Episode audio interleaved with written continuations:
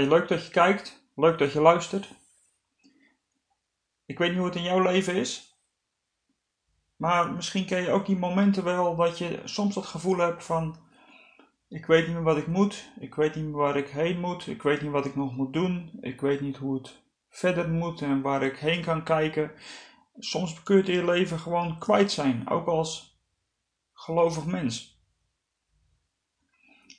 En de achterliggende tijd Terwijl ik met mijn hond buiten liep, was het of God me even iets liet zien, zomaar van iemand die we ook in de Bijbel tegenkomen. En ik wil je daar even in meenemen, gewoon om je te bemoedigen, gewoon om je te laten zien van, je bent niet de enige die soms niet weet hoe het verder moet. Je bent zeker ook niet de laatste. En ik neem je even mee naar een man die we in de Bijbel tegenkomen in het boek Koningen. We kennen hem allemaal, hij heet Elia. En als er iemand is voor wie ik bewondering heb, dan is het Elia. En nou niet zozeer bewondering voor wat er soms misgaat ook bij hem, maar bewondering voor wat hij in eerste instantie samen met God tot stand brengt. En als ik dan vervolgens zijn leven volg, en volg het zomaar eens even een stukje mee, en hij zit dan strakjes in de woestijn, ik weet niet of ik dan nog bewondering heb, maar ik begrijp hem wel heel erg goed. En ik geloof dat daar, als we Elia tegenkomen in de woestijn, in 1 Koningen 19, dat we op een punt zitten waar God je een les wil leren, een les mee wil geven voor die momenten als jij het even niet meer weet. Als jij denkt van, nou het kan me nu even helemaal gestolen worden. Wat was er met Elia gebeurd? Nou, dat weten we allemaal. We weten dat Elia geprofiteerd had dat het voorlopig niet zou regenen. En het is een heel gedoe met die koning Agap. Maar het is vooral een heel gedoe met die Baalpriesters die daar boven op die berg op een verschrikkelijke manier bezig zijn om Baal te vereren.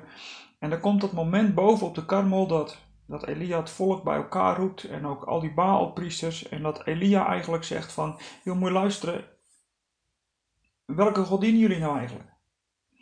En wat willen jullie nu eigenlijk? En dan daar boven op die berg, daar komt er een, een, een, een soort conflict tussen Elia en al die Baalpriesters. En Elia zegt, nou laten we een afspraak maken. We maken hier twee uh, altaren. En uh, de God die vuur uit de hemel laat komen en het offer aansteekt, wat op het altaar komt te liggen, dat is de ware God. Nou, iedereen is het daarmee eens, helemaal prachtig. En er worden twee altaren gemaakt. Eerst maken die Baalpriesters een altaar.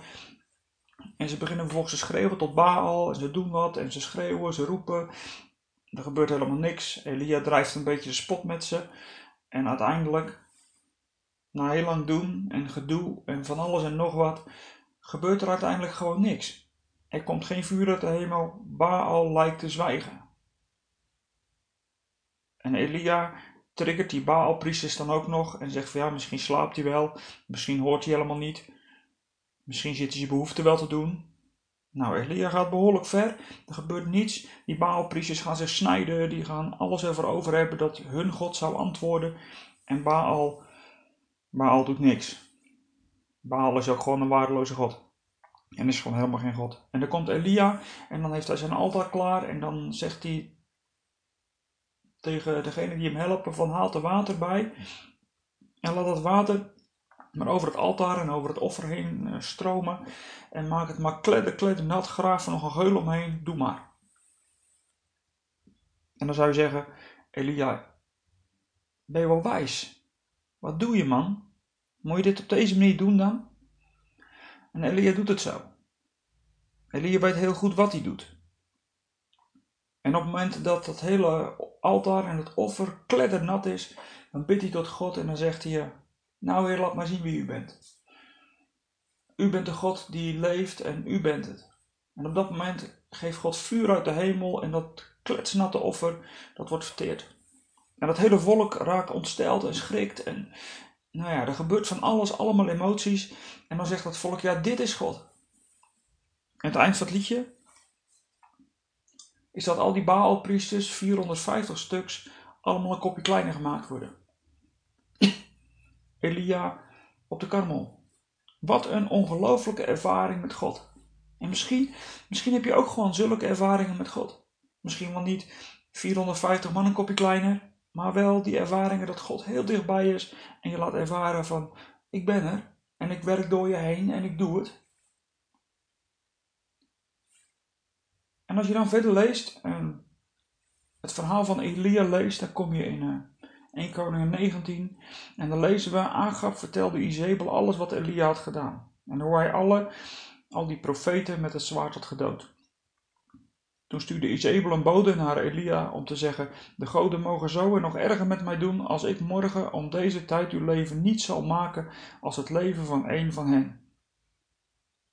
Izebel die zegt gewoon: Maar luister Elia, ik pik dit gewoon niet. En mijn man Agab, die kan dit wel pikken, maar ik niet. En jij bent morgen een kopje kleiner. En Elia, die zoveel ervaring had met God, zoveel had meegemaakt, zo'n ongelooflijke karmelervaring had. En daarna was het nog geregen ook, was hij samen met Agap in de met regen uiteindelijk in het, in het paleis gekomen. En dan zeg je van nou Elia, jij hoeft nooit meer te twijfelen. En dan vertelt Izebel dit. En dan moet je kijken wat er dan staat. En toen Elia dat zag, stond hij op en vluchtte voor zijn leven en hij kwam in Berseba, dat aan Juda toebehoort. En hij liet zijn knecht daar achter. En zelf liep hij een dagreis de woestijn in. Niemand die dat tegen hem zei trouwens. Ging er onder bremstruik zitten en bad om te mogen sterven. En hij zei: Het is genoeg. Neem nu mijn leven, Heer, want ik ben niet beter dan mijn vaderen. Nou, dan gaat hij onder die bremstruik liggen. Dan komt er een engel die geeft hem een koek. Onbegrijpelijk wat er allemaal precies gebeurt. Hij eet die koek op en dan wordt hij nog een keertje aangeraakt door die engel. En, en wat doet hij dan? Dan zou je zeggen van nou, dan moet hij door die engel toch wel bemoedigd zijn. Nee, wat doet hij dan? Hij staat op.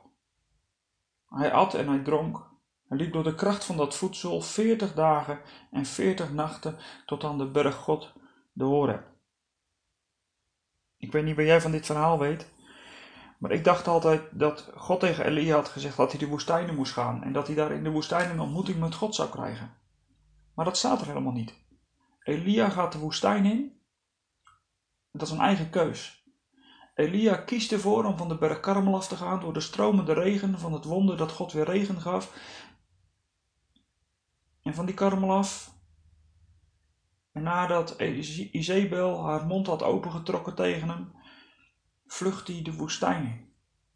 Niet omdat God het zei, maar omdat Elia zijn vertrouwen kwijt was. Veertig dagen en veertig nachten de woestijn in. En dan zegt hij, als God hem daar opzoekt, 40 dagen diep de woestijn in, en God zegt tegen hem: Elia, wat doe jij hier?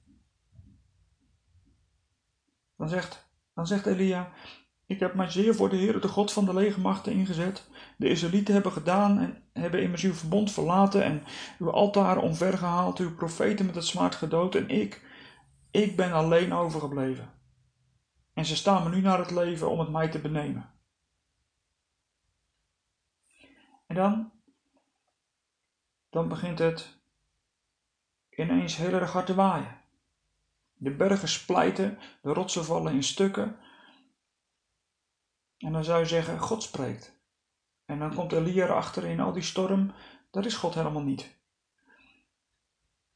En na die wind komt er een aardbeving en ook God was niet in die aardbeving te vinden. En dan komt er nog een vuur achteraan en dan denk je van nou, nou is klaar nou maakt God ook een eind met Elia en verteert hem ook door het vuur. En ook in het vuur is God helemaal niet aanwezig. En dan wordt het stil. En dan weet Elia, nu ben ik in Gods tegenwoordigheid. En hij valt op zijn gezicht. En hij begint te beven en hij doet een mantel om zijn gezicht, want hij kan God niet zien. En dan is dat allemaal voorbij. En dan denk je van nou, nu weet je Elia hoe het zit. En dan zegt zegt God nog een keer tegen hem van, Elia, wat doe jij nou hier? En dan begint hij nog een keer dat riedeltje af te steken, begint hij nog een keer zielig te doen. En zegt hij weer van, ja, ik heb zo goed mijn best gedaan, maar nu, nu staan ze me naar het leven. En dan, je zou bijna zeggen, waar haal je het lef vandaan, Elia? Toch, hè? Ik weet niet hoe het bij jou is, hoor, maar Weet je, als je dan van zo'n karmel afkomt en zulke prachtige ervaringen hebt gehad met God.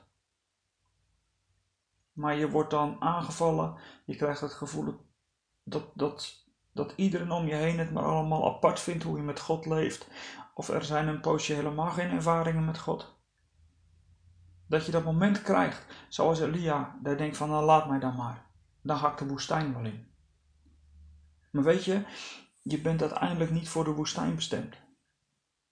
Je bent bestemd om te leven met God en in zijn kracht te gaan staan. En als Elia dan voor de tweede keer dat riedeltje afsteekt, dat hij zo zielig daar in de woestijn zit en met een hele bak met zelfmedelijden en allemaal tranen en zielig gedoe in dat hete zand, dan zegt God tegen hem: Ga heen, keer terug op je weg. Dat is wat God zegt. En weet je, wij kiezen er maar al te vaak voor. Of vanaf de grote ervaringen met God, en als we dat dan weer kwijt zijn, om in de woestijn te gaan zitten. Daar kiezen wij voor. Wij lopen de woestijn soms in 40 dagen, 40 nachten. Aardse getallen. De woestijn in. En wat doen we daar? Daar gaan we zitten jammeren, omdat we Gods tegenwoordigheid zijn kwijtgeraakt. Ja, vind je het gek? Weet je, God roept ons niet om de woestijn in te rennen. God roept ons om in zijn tegenwoordigheid te blijven. En als God je dan opzoekt, en dat doet hij vandaag. Ik geloof dat het vandaag ook gewoon tegen jou zegt, als je dit herkent. En dan zegt God vandaag tegen je: luister, ga terug op je weg. Met andere woorden, zoek die momenten met mij gewoon weer op en ga erin staan, in die kracht. En dan krijgt Elia hier nieuwe opdrachten om een nieuwe profeet te gaan zalven, een koning te gaan zalven. Ik weet niet welke opdracht God jou geeft. Maar hij zegt vandaag tegen jou, als je in die woestijn bent gekropen en daar zit te jammeren en denkt van ja, het is allemaal niks meer en het lukt toch niet meer, dan zegt God vandaag tegen jou, Ga terug op je weg. Terug waar je vandaan komt. Vanuit de hoogte met God eigenlijk. Daarna terug. Ga terug. En doe het opnieuw samen met mij. En ga het avontuur. Durf. En wees niet bang. Op de karmel was Elia ook niet bang. Daar stond hij in Gods kracht. En ook jij hoeft niet bang te zijn als je in Gods kracht staat. En hij zegt vandaag tegen je: terug op je weg. De woestijn weer uit. Zodat je echt weer een zegen kan zijn. En misschien zeg je van nou, dit hele verhaal, ja mooi, maar ik zit nu niet in de woestijn. Maar weet je, dit verhaal is niet zomaar een verhaal. En dit is ook niet het laatste verhaal van mensen die ervoor kiezen om de woestijn in te rennen. Want we doen het op zijn tijd allemaal. Dit zit zo in ons, in ons menselijke vlees, dat we het niet meer zien zitten en wegrennen de woestijn in. En denken dat het allemaal niet meer hoeft. Maar God zegt niet dat het niet meer hoeft. God zegt op die momenten dat je dit herkent, ga terug op je weg en wees een zegen.